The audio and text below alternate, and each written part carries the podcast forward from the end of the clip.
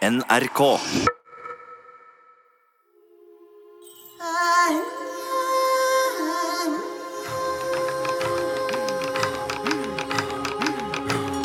Det er smertefullt å være en fremmed for sin egen sønn. Jeg ville ikke kreve ham tilbake.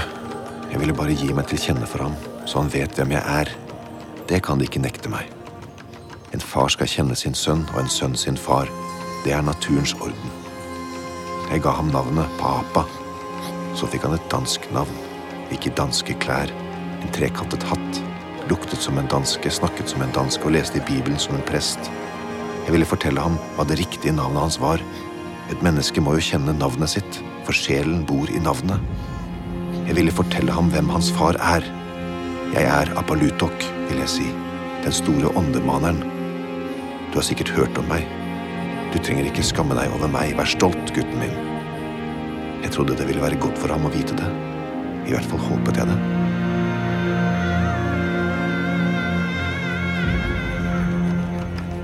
NRK Radioteatret presenterer Rød mann, sort mann av Kim Leine. En dramaserie i åtte episoder.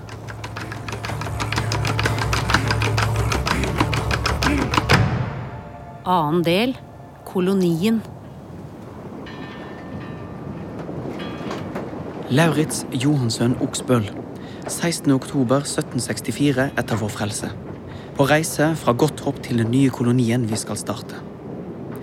Jo mer jeg leser i dagbøker, journaler og opptegnelser, så forekommer det meg mer og mer viktig å forstå hva som har foregått her. Min gode venn Nils Egede forteller fra oppstarten av kolonien, og jeg lytter med åpen munn. Ja, da erklærer jeg koloniens første rådsmøte for åpnet. Skål! Og, og salut! Monsieur kirurg Kiring, vil det være brydd med å skrive referatum fra denne historiske begivenhet? Ja vel, jo på som du vil. Nei, nei, for nå skal jeg tituleres guvernør Pors. Guvernør Klaus Enevold Pors. Ja vel, guvernør Enevold Klaus Lensium! Yes. Altså til stede kommandant Landorf. Ja, fra nå av vil jeg tituleres ærede kommandant Landorf. Og snadla Hysj nå, da. Videre er vår gode prest Hans Egede til stede. Ja, meg kan dere bare kalle Egede. Hva med herr Nesegreve Egede? Nei, Landorf, ta deg sammen nå, da, for satan. Dette er et historisk øyeblikk. Ja, Så er det proviantforvalter Fleischer. Også kalt Reven. Får du med deg dette, Kyring? Ja visst, ja, ja, bare fortsett. bare fortsett. Og så endelig til saken. Ja. Skål. Ja, ja, skål, ja! Vi har nå vært inne på fastlandet og fastlagt plasseringen av den kommende kolonien. Jeg, jeg vil bare påpeke at denne kolonien først og fremst er til for å fremme misjon. Handelen og det militære apparatet er til stede for å tjene den. Nei, nei, nei, nei, hør her. Dette her, Dette har, her- dette har jeg snakket med kongen om. Ja, du, Jeg har også snakket med kong Fredrik bare for et par måneder siden. faktisk. Og Han uttrykte seg klart og tydelig. Han ønsket at det skulle etableres en sunn og rentabel handel. Ja, Han er jo plaget av gjeld som alle andre konger. Nei, nei, misjonen kommer i første hånd. De innfødte skal kristnes, deretter skal de gamle nordmennene på østsiden av landet finnes og reformeres til den evangeliske tro. Dette grandiose prosjektet handler om noe helt annet enn å kristne noen ville folk. Handelen må absolutt komme først, akkurat som et menneskes kjødelige næring kommer komme foran alt annet. Hør skål! En, en velnært synder er stadig en synder. Og det som kommer inn i munnen, kommer fort ut av ræva igjen. Det der er flisespikkeri. Det åndelige må selvfølgelig komme på førsteplassen. Hva vil guvernøren med sin næring og handel hvis han likevel skal brenne i helvete? Brenne i helvete. Til evig tid, guvernør Bosch. Uansett. Først og fremst må vi finne et navn til den nye kolonien. Kom bare fritt fram, min herre. Fors minne. Det er virkelig alt- altfor sjenerøst av deg, kjære Lamborg. Jeg hadde vel tenkt meg noe i stil med Fredrik Steen. Fredrikshall. Eller Fredriksborg. Nei, nei, nei. Fredriksborg. Kronprins Kristiansborg. Eller, eller bare Kristiansborg. nei, nei, nei. og- og Gretne, altså Gretne og sur kronprins. Anne Sofiesborg. Nei, kvinner! Kvinner, kvinner bringer uhell. Ja, det går ikke. Og så er det altfor langt. Vi må få noe kort. Kort og slående. God, god borg. God sten. Gullborg. Eller gu- Gudhaven. Gud Kristen, Krist, en Kristborg. Fredensborg. Er det, er det fredens sten? Godt håp. Godt håp. Ja. Godt håp. Det klinger. Hvorfor ikke? Ja, hvorfor ikke Horshop? Eller Klaushaven? Nei. Er det noen som har noe å innvende mot navnet Godt håp? Første, annen, tredje? Ja. Så heter altså det Godt håp, da. Fyrverker! En trefoldig salutt for kolonien Godt håp.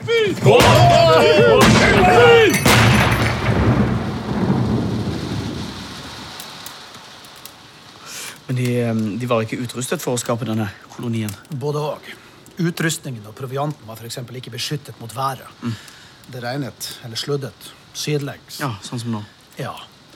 Fuktigheten trengte inn i alle sprekker, inn i klærne, inn i knoklene, inn i kassene med proviant. Overalt. En hel del måtte kasseres.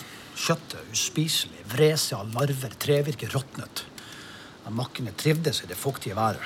Koste seg med flesket i tømmene. Ja, jeg fant uh, ukens matplan for uh, Godt hopp, skrevet av Fleischer. Ja, det er stusslige greier. Selv med tanke på alt det gode som grønlenderne spiser. Og som er mye sunnere.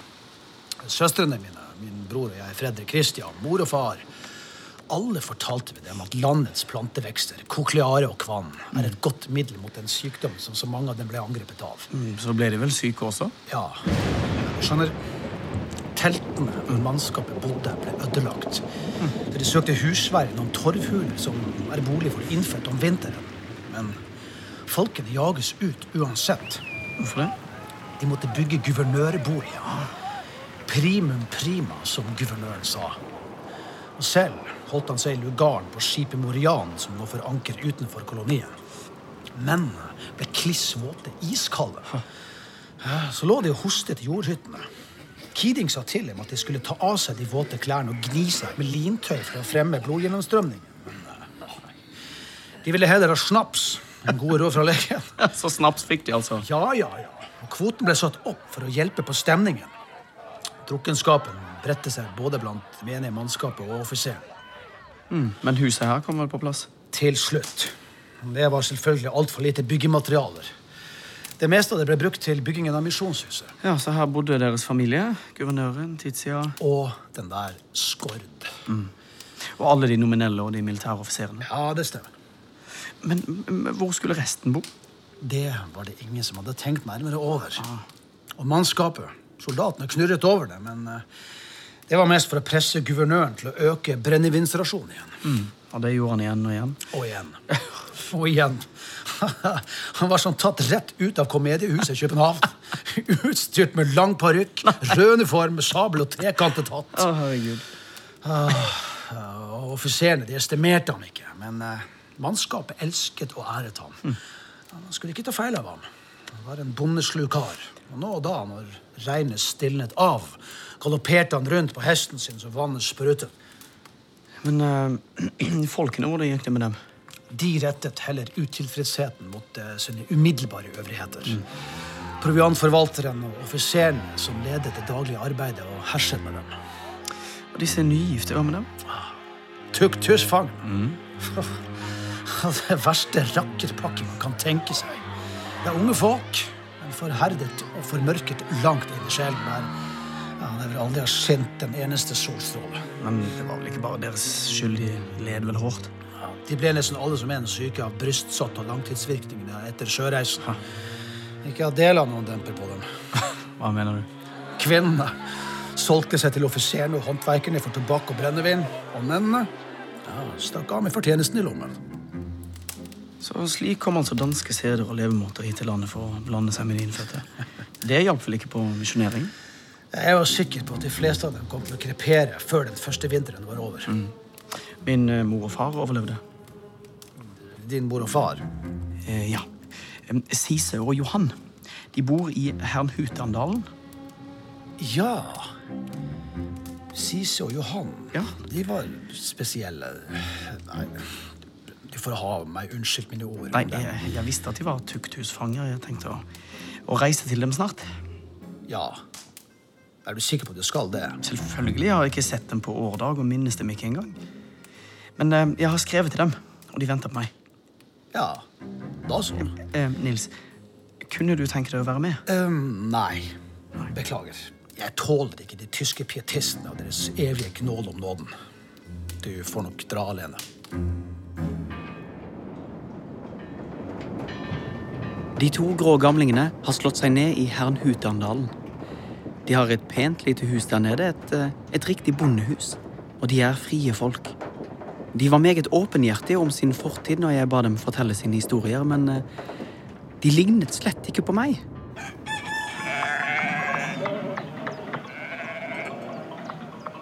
Vi var noen forherda syndere. Amen. Jo, han leide meg ut til menn for fem mark. Han bar anstendige menn. Nå ja, vi tok vel etter hvert hvem det skulle være. Jeg drakk opp alle pengene, og så ble vi begge satt på tukthuset. Jeg på Holmen. Og jeg på spinnehuset. Men så ville Gud den allmektige at vi skulle føre sammen. Ja, eller major Pors. Og lot oss finne nåden her på Grønland.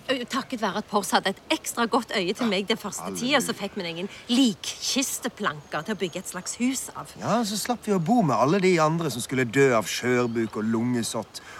Og da du ble gravid med med, med deg, kjære Lauritz, gutten min. Ja, da forærte Pors oss ei sprukken glassrute, sånn at vi fikk lys inn i den lille gammen vår.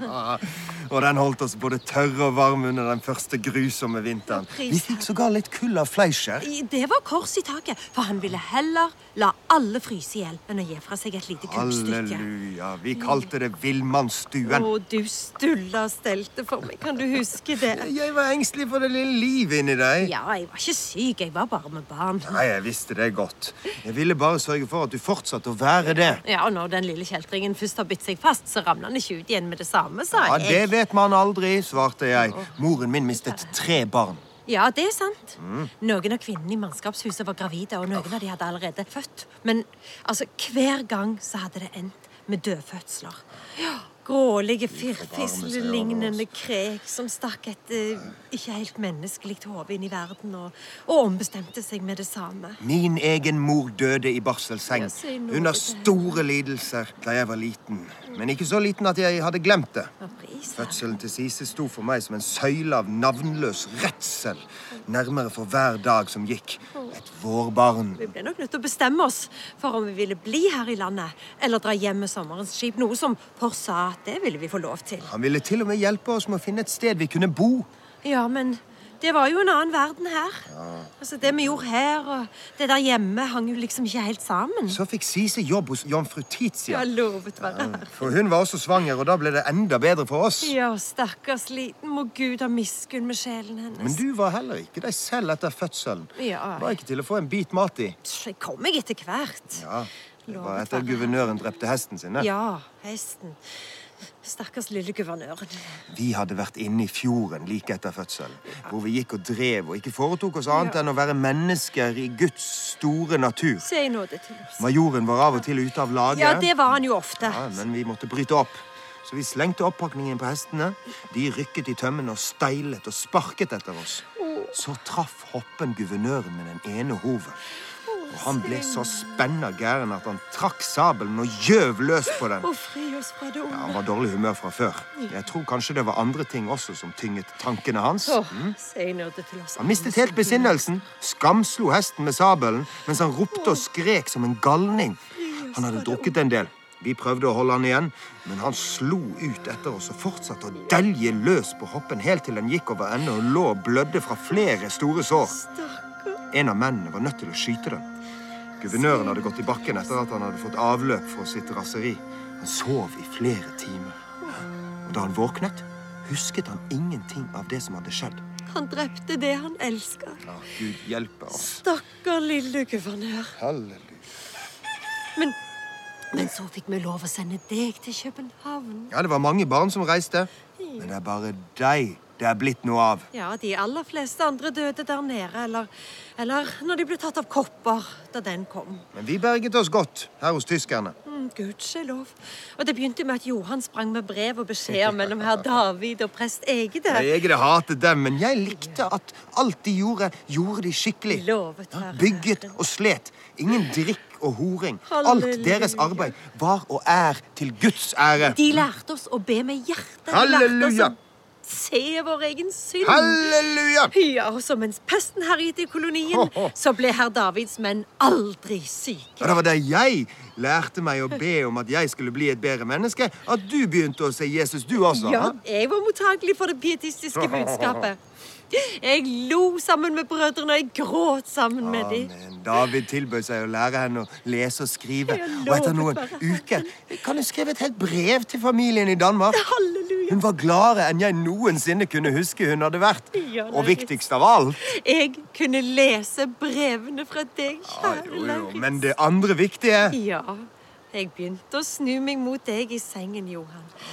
Og da du for første gang fikk lov å knuge og kysse brystene mine uten å betale fem mark Ja, det er jeg som gråter og ler. Ja. Hele tiden vi var gift, måtte jeg betale fem mark for å nyte henne. Ja, en gang Luther, alltid Luther, tenkte jeg, men herr David lærte meg kjærlighet. Takk Gud. Så da det ble vår, flytta vi tre til Hernuterdalen Halleluja. som de første som gikk over til pietistene. Lovet være Vi bygde et nytt hus, delvis av torv, delvis av trebord. Og med hjelp fra de dyktige tyske håndverkerne ble det mye bedre enn det gamle huset. Vi var litt engstelige for hva Egede ville si til dette. Og om han ville bli sint, eller om han kom til å straffe dem ved å holde tilbake lønnen til Johan. Men. Egede hadde andre ting å ta seg av. Ja, Det var ikke sikkert at han i det hele tatt la merke til at vi hadde flytta.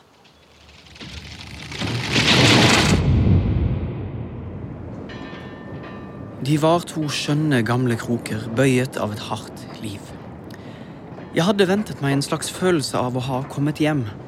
At den lengselen etter mitt opphav skulle falle til ro. Men jeg kjente ingen slik tilfredsstillelse. Tvert imot.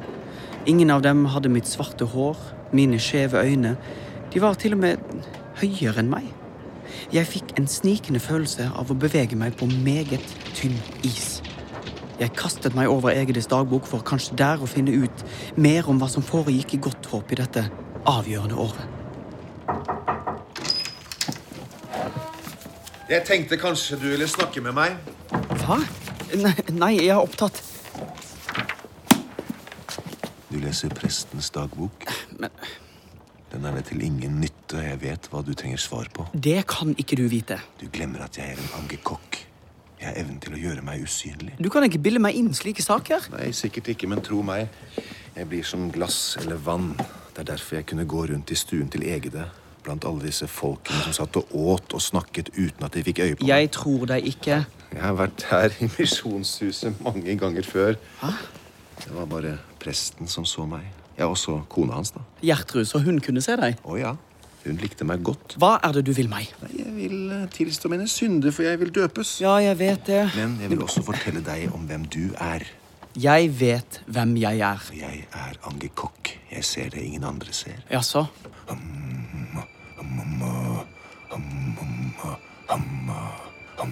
Lette etter sønnen min. Fredrik Christian? Jeg kan ikke se ham noe sted. Jeg sniker meg opp trappen. Ovenpå her er det flere rom med senger.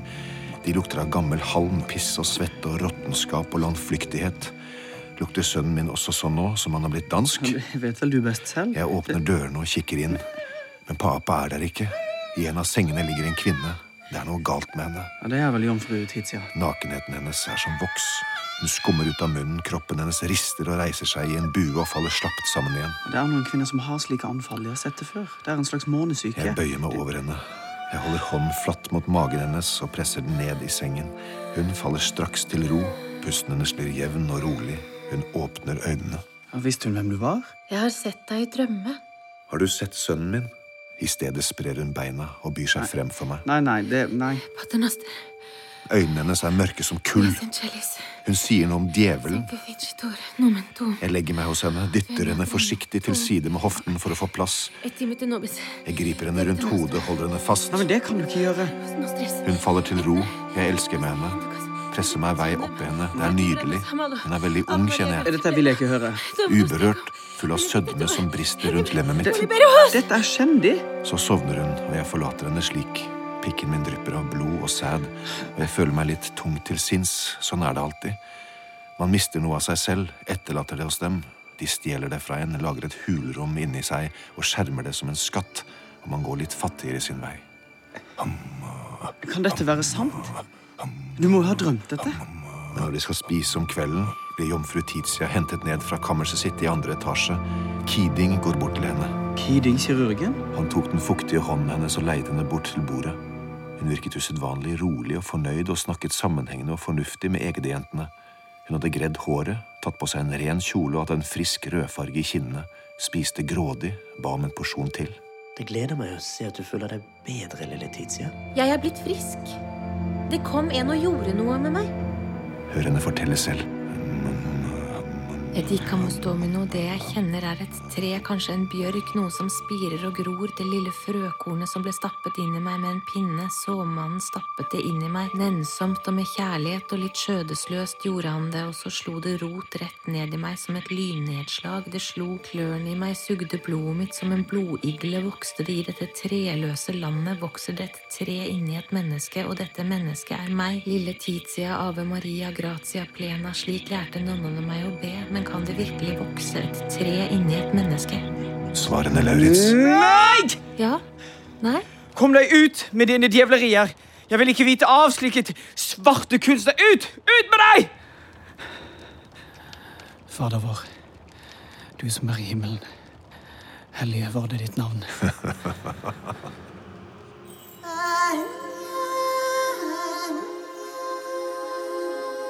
Jeg har nemlig et hull.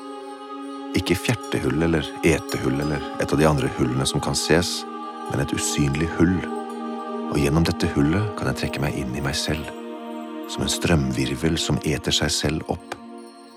Og så slipper jeg ut min tarniga, min ånd. Jeg kan reise hvor som helst. Jeg kan reise til fortiden, for den tiden som har gått, fins i flere rom ved siden av det vi kaller nåtiden. Det gjelder bare å finne ut hvordan man trenger gjennom veggen. Fremtiden fins også på en måte, men de rommene er tomme ennå. De er det ikke mye moro med, med mindre tomhet er det man ønsker seg. En gang satte jeg meg ned i et rom i fremtiden og ble sittende helt til fortiden kom rullende forbi som en langsom bølge. Og jeg kan reise til noen helt andre og merkelige verdener der allting er annerledes. Kanskje Gud har skapt utallige verdener som fins side om side? En verden der menneskene har tre hoder og føtter stikkende ut av ryggen slik at de kan ligge når de går. Det kan man ikke vite. Jeg tror på Gud Fader, og jeg tror på Hans Sønn Jesus Kristus.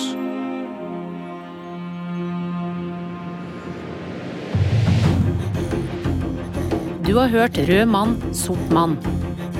De som var med, Appaluttok, Kyrre Haugen Sydnes, Lauritz Frank Kjosås, Nils Halvard Holmen, Kors Terje Ranes, Hans Egede Nils Jonsson, Kiding Torgny G. Ånderå, Fleischer Trond Høvik, Sise Marit Synnøve Berg, Johan Morten Svartveit, Tizia Andrea Brein Hovig, Landorf Pål Christian Eggen, Gjertrud Marit Adeleide Andreassen, Satan Kaja Varjord, presten Pål Mattis Herman Nyquist, Fredrik Christian Scott Maurstad.